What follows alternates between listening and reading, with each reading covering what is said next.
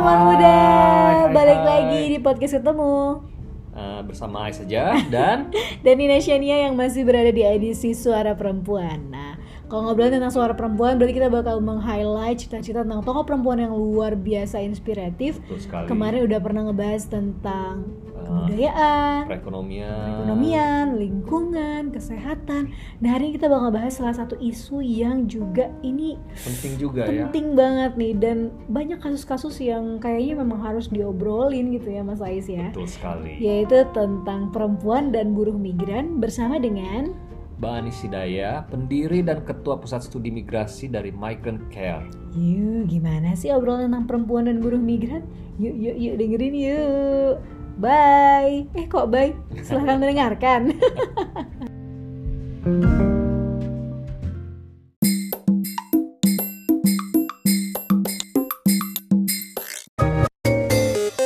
Hai teman muda, balik lagi di podcast Hai. ketemu bareng dengan Nina Shania. Dan Ais saja. Nah, kalau kita sekarang masih dalam edisi membahas tentang tokoh-tokoh perempuan yang luar biasa di Indonesia. Nah, kalau misalnya kemarin kita bahas banyak banyak banyak banyak banget yang mungkin agak lebih dekat gitu. Nah, sekarang kita ngebahas salah satu yang nggak kalah dekatnya. Cuman mungkin kayak masih pada belum aware gitu ya masyarakat yang banyak kan. Kita sekarang sudah bersama dengan Ibu Anis Hidayat. Apa kabar Ibu? Baik. Baik. Yang merupakan Alhamdulillah pendiri dan juga sekarang ketua Pusat, Pusat Studi Studi Migrasi Migrasi Migran, Migran Care. Care. Nah, hari kita akan bahas tentang bagaimana perempuan dan perannya terhadap buruh migran perempuan juga nih. Jadi perempuan atau perempuan juga nih ya hari ini. Sekali. Oke, nah boleh cerita dulu dong Bu. Mungkin belum orang belum tahu banyak ya Mas Ais ya tentang sebenarnya apa sih ini buruh migran, definisinya seperti apa, siapa saja yang tercakup dalam term ini kita. Ya sebenarnya buruh migran itu setiap warga negara Indonesia yang bekerja di luar negeri dan mendapatkan upah. Gitu. Apa pun profesinya, mereka yang bekerja di luar negeri itu buruh migran. Nah, tetapi eh, migrant care itu spesifik advokasi buruh migran yang rentan mengalami eh, pelanggaran hak asasi manusia maupun kekerasan berbasis gender. Oke. Jadi mereka yang bekerja di sektor rumah tangga sebagai pekerja rumah Ah, tangga, mereka yang bekerja di ya. perkebunan, mereka yang bekerja di konstruksi, pabrik, eh, di apa eh, jasa gitu ya. Jadi mereka yang selama ini bekerja di sektor yang rentan mengalami pelanggaran hak. kekerasan. Mm, gitu. Uh, bagaimana kondisi buruh Indonesia saat ini? Eh, Migran. Buruh migran sebenarnya em, Indonesia itu baru saja dua tahun yang lalu mengesahkan Undang-Undang Nomor 18 Tahun 2017 tentang pelindungan pekerja migran. Oh. Nah ini satu step yang sangat maju dibanding sebelumnya karena kita dulu punya undang-undang eh, tapi sangat buruk ya mengeksploitasi menjadikan mereka objek komoditas nggak ada aspek pelindungannya sama sekali. Nah undang-undang ini jauh lebih melindungi gitu. Tetapi apakah benar ini sudah melindungi? Belum dua tahun pasca undang-undang ini eh, belum banyak perubahan yang dilihat dari pekerja migran. Mereka masih rentan. Eh, ya setiap tahun itu eh, seribu lebih yang meninggal dunia yang mengalami kekerasan yang tidak dibayar gaji. Sampai hari ini yang terancam hukuman mati mati masih 188 di beberapa negara. Juga ya. Kemudian banyak yang menjadi korban trafficking, banyak yang juga menjadi korban terorisme, banyak juga yang menjadi korban sindikat eh, narkoba gitu. Jadi eh, apa ya risiko-risikonya banyak sekali yang dihadapi teman-teman pekerja migran, terutama yang perempuan, karena eh, di atas 64% pekerja migran kita perempuan. perempuan gitu. Nah kalau misalnya tadi udah sedikit Bu Anis membahas bahwa ada berbagai macam masalah, tapi sebenarnya kalau membahas tentang buruh migran in general sendiri, permasalahan yang paling besar itu apa sih Bu? Kalau saat ini yang sedang kita hadapi? Eh, paling banyak mereka itu eh, ada pada situasi kerja yang kurang layak ya. Jadi terutama teman-teman domestic workers itu eh, mereka bekerja lebih dari 18 jam. Itu di negara-negara Timur Tengah terutama ya, Arab Saudi dan lain sebagainya, Gulf countries lah. Kemudian bahkan negara kita tetangga, Tetangga saja kita. Malaysia itu juga belum punya regulasi tentang domestic workers gitu. Jadi pekerja kita juga masih bekerja di atas 12 18 jam gitu karena nggak ada batasan eh, jam kerjanya mereka nggak dapat hari libur gitu sehingga mereka rentan menghadapi kekerasan fisik seksual yang kita kategorikan sebagai bentuk kekerasan berbasis gender gitu. Nah, yang kedua juga banyak teman-teman pekerja migran kita yang dapat akses komunikasi. Di semua negara situasinya berbeda ya. Di Hong Kong itu hampir ya di atas 90% mereka punya akses komunikasi, kebebas Oke. bebas keluar rumah bahkan bebas berserikat gitu. Tapi di negara lain eh, seperti di Arab itu hanya 32% mereka yang punya akses komunikasi itu Oh. riset Migran Care eh, tahun 2016 ya. Tapi situasi sekarang juga belum banyak berubah sebenarnya gitu. Kemudian yang ketiga adalah eh, kasus-kasus trafficking, perdagangan Ah, manusia. banyak banget ini ya Bu ya. Banyak banget. Kalau data kepolisian ya ratusan ya, tetapi korban pasti ribuan. Nah, Migran Care juga mendampingi kasus-kasus yang seperti itu. Juga Hmm. tadi yang saya sampaikan eh, drug ya, sindikat em, apa perdagangan narkoba. narkoba, itu banyak juga dari kasus 188 yang terancam hukuman mati, 53% di antaranya itu adalah terjebak sindikat narkoba. Kemudian juga yang tren itu soal radikalisme. Hmm. Data Kemlu misalnya lebih dari 200 pekerja migran kita yang terjebak pada jaringan teroris ya, terhubung dengan ISIS. Apakah mereka volunteerism baru sifatnya itu? Em, ada yang modusnya kawin online, ada yang penyumbang dana, ada yang admin gitu dan lain sebagainya. Ada yang bahkan sudah dideportasi dari beberapa negara. Ah, banyak juga ya kompleks Iya. permasalahannya. Saya kira kayak oh ya udah ternyata ada terorisme, ada kekerasan berbasis gender yang sungguh luar biasa. Iya. Yang untuk kasus radikalisme ini apakah ini fenomena yang baru atau udah emang sejak dari dulu? Sebenarnya em, Sydney John sudah melihat itu lama ya, ada indikasi eh, lama gitu. Tetapi kecenderungannya lama gitu. Sudah menemukan gitu sekian buruh migran di Hong Kong waktu itu dan di Taiwan terindikasi paham radikalisme gitu. Tetapi kemudian lima tahun terakhir itu jadi tren yang luar biasa karena itu tren global kan. Iya. Jadi kemudian Ngikut gitu Iya, ya. Terkena hype-nya. dampak juga Oh ya. iya gitu. Jadi jadi ini seolah-olah trennya baru gitu. Ya meng- makin meningkat iya. Hmm. Nah kalau tadi Bu ngomongin ada yang di Hong Kong, ada yang di Malaysia, ada yang di Arab, kan banyak ya Bu persebarannya. Hmm. Negara mana sih yang saat ini nih yang ditangani sama Migrant Care yang kayaknya paling wah ini banyak banget masalahnya di sini gitu nggak kelar-kelar. Sebenarnya itu relate dengan em, jumlah eh, buruh migran kita. Oh. Jadi paling banyak itu kan bekerja kita di Malaysia. Di Malaysia. Ada sekitar 2,5 juta. Aduh, Kemudian kemudian Iya. di Arab Saudi 1,5. Kemudian Ah. baru kemudian di em, Hong Kong itu 200 ribu, di Taiwan sekitar 215 ribu, di Singapura ada 160 ribu, Hmm. di negara-negara lain gitu.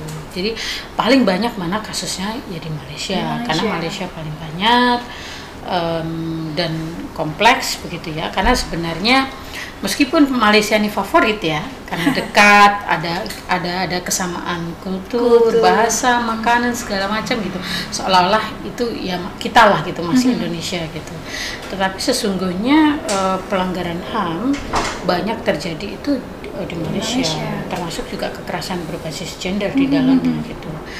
Jadi misalnya setiap eh, minggu itu ada deportasi dari Malaysia ke beberapa eh, banyak Wilayah. perbatasan Indonesia karena kasus pelanggaran imigrasi mereka yang tidak berdokumen gitu. Eh, hukuman mati paling banyak juga di Malaysia. Dari 188 yang saya sebut tadi 120 di antaranya di Malaysia. Trafficking itu Malaysia. Kami juga sedang menangani migran ke Malaysia kasus em, trafficking yang korbannya juga ratusan gitu. Sekarang sedang tahap penyidikan oleh kepolisian Malaysia. Bu, satu pertanyaan yang saya sebenarnya agak tertarik nih karena kan ada yang legal nih sama ada yang nggak legal. Nah kalau dari migran sendiri mengurus keduanya gitu bu selama mereka jadi buruh migran atau lebih mungkin ada prioritas yang legal gitu seperti itu. Tidak, jadi eh, setiap warga negara eh, pekerja migran di luar negeri apa pun statusnya Hmm. mereka punya hak yang sama. Betul betul betul. Jadi apakah legal atau dan bahkan kita sudah lama meninggalkan term legal ilegal Ah. gitu karena dulu Gus Dur selalu eh, marah ya kalau di migran disebut ilegal nggak ada manusia yang ilegal gitu. Iya sih. Jadi eh, kalau di konvensi pekerja migran itu eh, disebutnya adalah eh, pekerja migran undocumented, Undocumented. gitu. jadi tidak berdokumen dan berdasarkan konvensi maksudnya tidak boleh ada perbedaan. Hmm, tetap 10 harus. tahun yang lalu pemerintah kita kalau ada kasus mereka pasti akan menanyakan gitu. Oh. Ini berdokumen atau tidak gitu. Ini legal atau enggak Iya. gitu. Tetapi 10 tahun terakhir itu sudah Berubah ya, sudah ya? sudah berubah gitu. Artinya seluruh warga negara kita ketika menjadi buruh migran apa pun statusnya yang mendapatkan perlindungan yang sama gitu. Hmm. Karena banyak mereka yang kemudian menjadi tidak berdokumen itu sesungguhnya adalah korban gitu. Oh. Jadi korban sindikat, Iya, korban iya, iya. penipuan, korban korban tipu daya dan lain sebagainya. Korban juga dari majikan yang menahan dokumen mereka, Iya. situasi sulit sehingga lari dan menjadi tidak berdokumen gitu.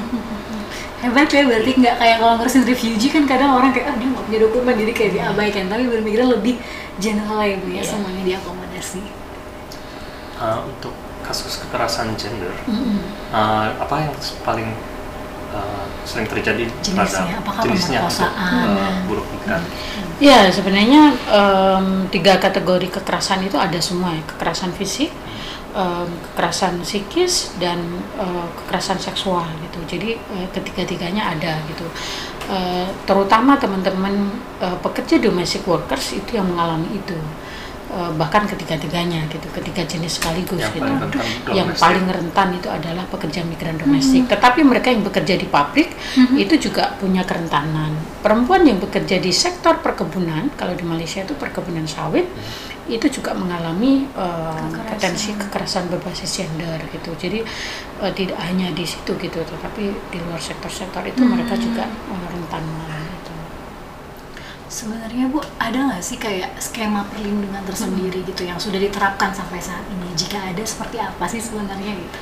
Sebenarnya ya kita tetap harus mengacu pada undang-undang yang baru ya. Berdasarkan Undang-Undang 18 2017 itu kan pelindungan yang dimaksud untuk pekerja migran itu kan sebelum berangkat mereka mendapatkan pendidikan yang memadai, skill bahasa, pengetahuan, hak kesehatan reproduksi perempuan, hak-hak perempuan, resiko yang akan mereka hadapi ketika mereka akan bekerja ke luar negeri itu mereka dapatkan gitu ya lewat balai latihan kerja dan itu eh, dikelola oleh pemerintah. Tetapi memang apa eh, itu belum terrealisasi 100% karena masih masa transisi ya dua tahun ini.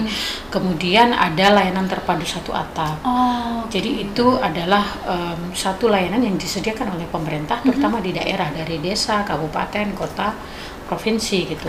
Informasi aman, imigrasi, kemudian BPJS, oh kesehatan, benar-benar satu atap semuanya ya yang bu ya satu atap gitu. Ketika akan berangkat luar negeri, nah baru kemudian ketika siap em, perusahaan akan menempatkan jika itu mekanismenya yang lewat perusahaan. Tapi ada ada juga yang mandiri, ada yang eh, apa G2G gitu ya lewat eh, pemerintah dari pemerintah ke pemerintah gitu. Jadi tergantung mekanismenya yang dipilih apa. Nah di luar negeri tentu perlindungannya ada KBRI, KCRI kita di Iya. berbagai negara. Meskipun ada banyak sekali catatan ya, layanan kita belum semuanya Maksimal bagus gitu ya. gitu. Banyak layanan yang masih bias gender misalnya. Mereka yang mengalami kekerasan itu disalahkan korbannya. Kemudian yang melayani, yang yang mendampingi itu masih banyak yang laki-laki misalnya sehingga makin trauma gitu. Jadi jadi ma- eh, masih banyak PR-nya meskipun regulasinya bagus, layanannya menuju layanan yang ideal, tetapi PR-nya masih banyak. Masih banyak. Uh, selain undang-undang, Hmm. apa relasi uh, pemerintah dalam memperbaiki nasib buruh migran? Tadi kan ada layanan satu atap Satu gitu atap. ya. Iya, satu Apa yang atap. mungkin paling signifikan Paling gitu ya antara signifikan. kebijakan-kebijakan ini?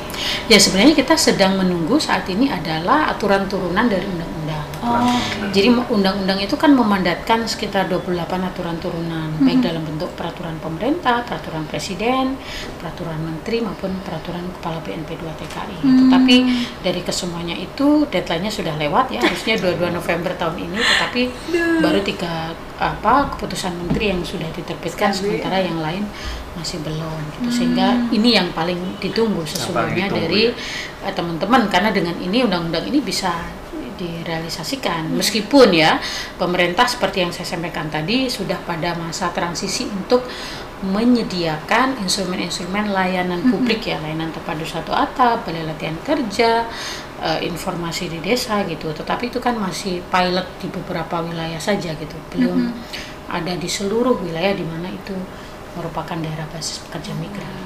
Belum terlalu masif gitu ya bu ya ibaratnya. Menuju. menuju masif menuju masif kita harus optimis sebenarnya ya nah, selanjutnya juga nih bu kalau tadi misalnya kita nggak bahas tentang pemerintah gitu kita sekarang mulai masuk ke bagaimana sih perjuangan ibu Hmm. dan teman-teman perempuan lainnya pastinya di migrant care untuk bisa mengadvokasi isu ini terus-terusan Uh, migrant care sendiri sudah em, hampir 15 tahun ya ada. Jadi apa yang kami lakukan? Kalau kita memang fokus eh, pertama di advokasi kebijakan. Jadi kita mendorong em, di Indonesia itu pemerintah membuat kebijakan yang melindungi, yang respect terhadap HAM, yang sensitif gender gitu. Dan kita mengadvokasi undang-undang yang saya katakan tadi itu kita revisi proses itu tujuh tahun.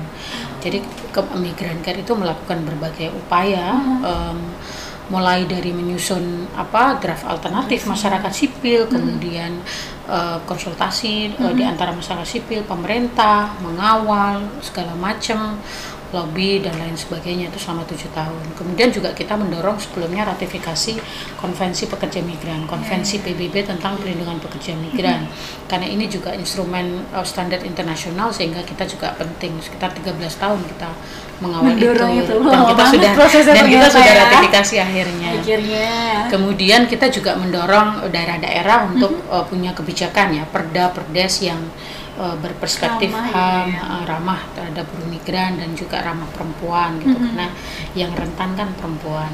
Yang kedua kita menyediakan layanan bantuan hukum dan informasi bagi pekerja migran sendiri. Jadi setiap hari migran care itu menerima pengaduan kasus Mm-hmm. dari berbagai negara. Kadang-kadang ya jauh, kadang-kadang ya dekat gitu di Malaysia, kadang-kadang negara-negara di Afrika, di Oh. Amerika, eh, di Timur Tengah sehari-hari em, itu Ada masuk eh, keluhan-keluhan. lewat apa bu Em, lewat SMS, lewat telepon, lewat Oh. WA, lewat sosmed kita sehari-hari itu masuk gitu. Yang ketiga kita juga melakukan advokasi internasional karena ini sifatnya adalah transnasional maka kita juga memanfaatkan mekanisme yang ada di UN, yang ada di ILO untuk advokasi kasus ini. Jadi cukup komprehensif ya usaha yang Iya, sudah mulai dari sekali. kebijakan sampai langsung menyentuh ibaratnya buruh Iya. migrannya di permukaan gitu. Nah, kita kembali lagi ke isu radikalisme. Mm-mm. Eh, misalnya kita lihat dari kasus Ika kemarin. bagaimana pandangan ibu ter- eh, dengan teman-teman dari Migrant Care mengenai ini? Sebenarnya eh, radikalisme itu juga sama dengan kasus ya apa ya salah satu bentuk kejahatan transnasional ya yang mengancam gitu.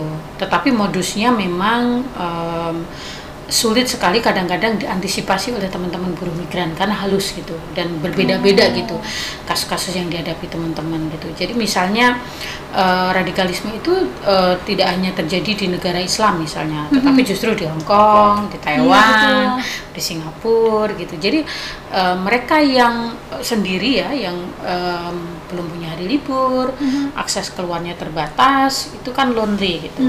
Nah, secara online mereka eh, terhubung dengan eh, jaringan-jaringan, Jaringan, ada yang WhatsApp, ada yang Facebook, Telegram. eh, eh, Telegram dan macam-macam yang mereka nggak sadari ternyata itu adalah eh, Bentuk bentuk radikalisasi. eh, radikalisasi gitu.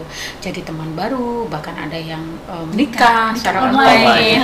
mereka menyumbangkan dana. Bagi mereka itu mulia kan, karena Iya, iya. menyumbangkan dana untuk, Untuk agama, eh, agama, perjuangan. perjuangan, jihad gitu. Tetapi mereka nggak sadari ternyata itu adalah eh, eh, apa ya em, bentuk pelanggaran juga gitu. Mhm. Jadi ini yang em, yang yang terjadi ke teman-teman gitu sehingga banyak di antara mereka itu yang nggak sadar menjadi penyumbang ISIS gitu Mm-mm. nggak sadar menjadi admin kelompok-kelompok jihad nggak sadar mereka eh, banyak yang di, akan diberangkatkan ke Suriah dan lain sebagainya gitu Jadi karena masih ada kurangnya pengetahuan gitu ya Bu dari mereka juga untuk membedakan apakah Betul. ini upaya untuk radikalisasi atau seperti Betul. apa. Dan uniknya itu bukan di negara-negara Islam, malah iya Iya. di negara-negara non-Muslim dan pintu awalnya karena hanya hal yang sederhana kesepian Iya, betul misalnya. Iya. betul Kalau saat ini apakah ada juga misalnya karena kan pemerintah juga lagi aktif banget nih untuk ayo Iya. kita counter radikalisme gitu. Iya. Kalau misalnya untuk uh, buruh migran sendiri apakah ada pendekatan khusus yang Iya. akhirnya dilakukan gitu? Migrant Care sendiri sedang memiliki kajian ya Mm-mm. em, yang ya tentu dengan pendekatan yang komprehensif, Mhm. eh, terutama gender based approach ya. Iya. Bagaimana melihat itu. Jadi sebenarnya eh, melihat itu kan tidak sekedar oh ini orang kesasar gitu ya. Oh ini orang yang menjadi korban jaringan tertentu gitu. Tapi kita melihat lebih em, komprehensif gitu. Karena sesungguhnya ini juga berakar dari lemahnya perlindungan pemerintah gitu. Mhm. Jadi nggak ada sapaan dari negara, nggak ada apa upaya proaktif Mhm. eh, mengakses, memonitor mereka secara langsung gitu, sehingga mudah eh, tersusupi oleh orang-orang yang ingin hadir gitu. Dan itu di luar kesadaran teman-teman pekerja migran. Makanya pendekatan kita adalah memastikan migrasi itu aman gitu. Hmm. Jadi aman itu seperti apa gitu? Yang em, apa eh, hak-hak mereka itu mereka ketahui sebelum berangkat. Paham ya. Paham. Resiko-resiko yang itu mengancam mereka jaringan-jaringan transnasional itu mereka paham. Mhm. Bentuk-bentuk modus-modus trafficking itu bagaimana? Modus-modus radikalisasi itu seperti apa? Hmm. Contoh-contoh kasus yang pernah ada itu seperti apa? Nah, itu kita coba jelaskan kepada mereka sebelum mereka Berangkat. eh, berangkat gitu dan juga eh, mencoba tidak viktimisasi gitu ya. Hmm. Jadi kalau sudah viktimisasi kan ya ini salah kamu ya, segala Iya. macam gitu. Nah, ini ini pendekatannya gitu. Tidak sekedar deradikalisasi dibawa ke pesantren tiga bulan setelah itu sudah gitu. Ya susah gitu. Ini bukan sekedar orang em, apa ya Belajar baca eh, atau oh, oh, gitu ya. Sehingga Perubahan pola harus pikir. harus harus harus komprehensif harus merubah paradigma Hmm. gitu karena kalau sudah kena eh, ini jihad ini untuk Hmm. agama itu juga nggak mudah gitu Iya, iya. Makin cepet gitu ya bakar-bakarnya ibaratnya. Eh, mungkin ke masih ada pertanyaan lagi Pertanyaan terakhir ya, aja langsung. oke kita langsung ke pertanyaan terakhir apa pesan-pesan untuk anak muda eh, mengenai isu perempuan dan buruh migran Dari migran. Iya, em, saya kira teman-teman muda juga Hmm. bisa mulai mengenal isu buruh migran dan mulai bisa berkontribusi dalam em, apa dalam hal ini misalnya adalah menyebarkan informasi tentang bagaimana sih bermigrasi yang aman gitu ya. Hmm.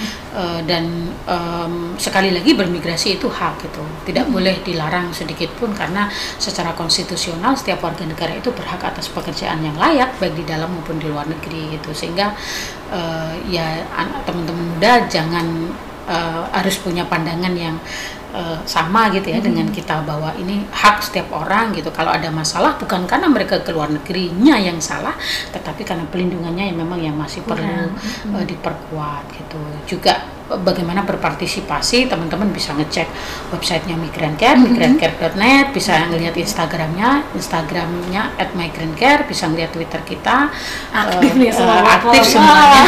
Bisa berpartisipasi bisa ngobrol dengan teman-teman yang sudah em, survive juga bisa berkontribusi mau magang di sini mau ikut kampanye kita itu kita sangat terbuka untuk Sangat teman-teman terbuka. muda Jadi mau mulai apa ya untuk aware sama isu Iya, ini juga dari apa pun dari sosial media misalnya Iya. membagikan agar semua orang jadi mulai sadar nih bahwa ada Iya. urgensi ternyata ternyata buruh migran perempuan. Jadi semoga kita bisa mewujudkan ini ya Bu, Iya. buruh migran yang berdaulat ya. siap Siap, terima kasih banyak Bu Iya, atas sama-sama. waktunya. Sampai jumpa di podcast